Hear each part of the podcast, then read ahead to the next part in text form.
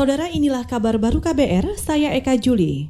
Komisi Persaingan Pengawasan Usaha atau KPPU tengah menelusuri penyebab tingginya harga gula putih di pasaran.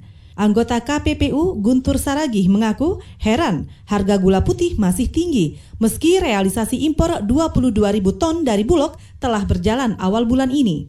Saat ini harga gula putih di pasaran masih di atas harga eceran tertinggi, yakni Rp12.500 per kilogram. Poinnya memang kalau dilihat memang gulanya sudah datang ya, sudah ada di Indonesia, sudah menjadi stok, namun memang harganya masih tinggi. Ya kalau dalam perspektif KPPU, dugaannya Pak yang menjadi hal terkait dengan masalahnya adalah dugaan penetapan harga. Namun untuk hasilnya belum bisa saya sampaikan. Anggota Komisi Persaingan Pengawasan Usaha atau KPPU Guntur Saragih menilai aneh jika harga gula putih masih tinggi.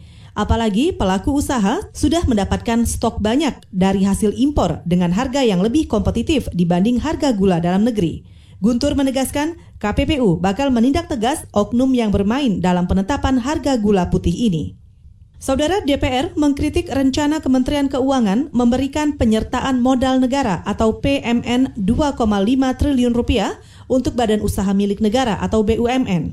Menurut anggota komisi yang membidangi BUMN DPR, Ahmad Baidowi, perlu kejelasan profil BUMN yang menerima penyertaan modal negara sebelum dana itu dikucurkan.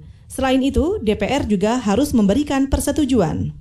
Ahmad Baidowi menyatakan pembahasan dengan DPR akan membuat pemerintah selektif saat menyertakan modal negara. Hal itu penting untuk mencegah pemberian dana kepada BUMN yang kerap bermasalah. Sebelumnya, Kementerian Keuangan berencana memberikan dukungan penyertaan modal negara kepada BUMN.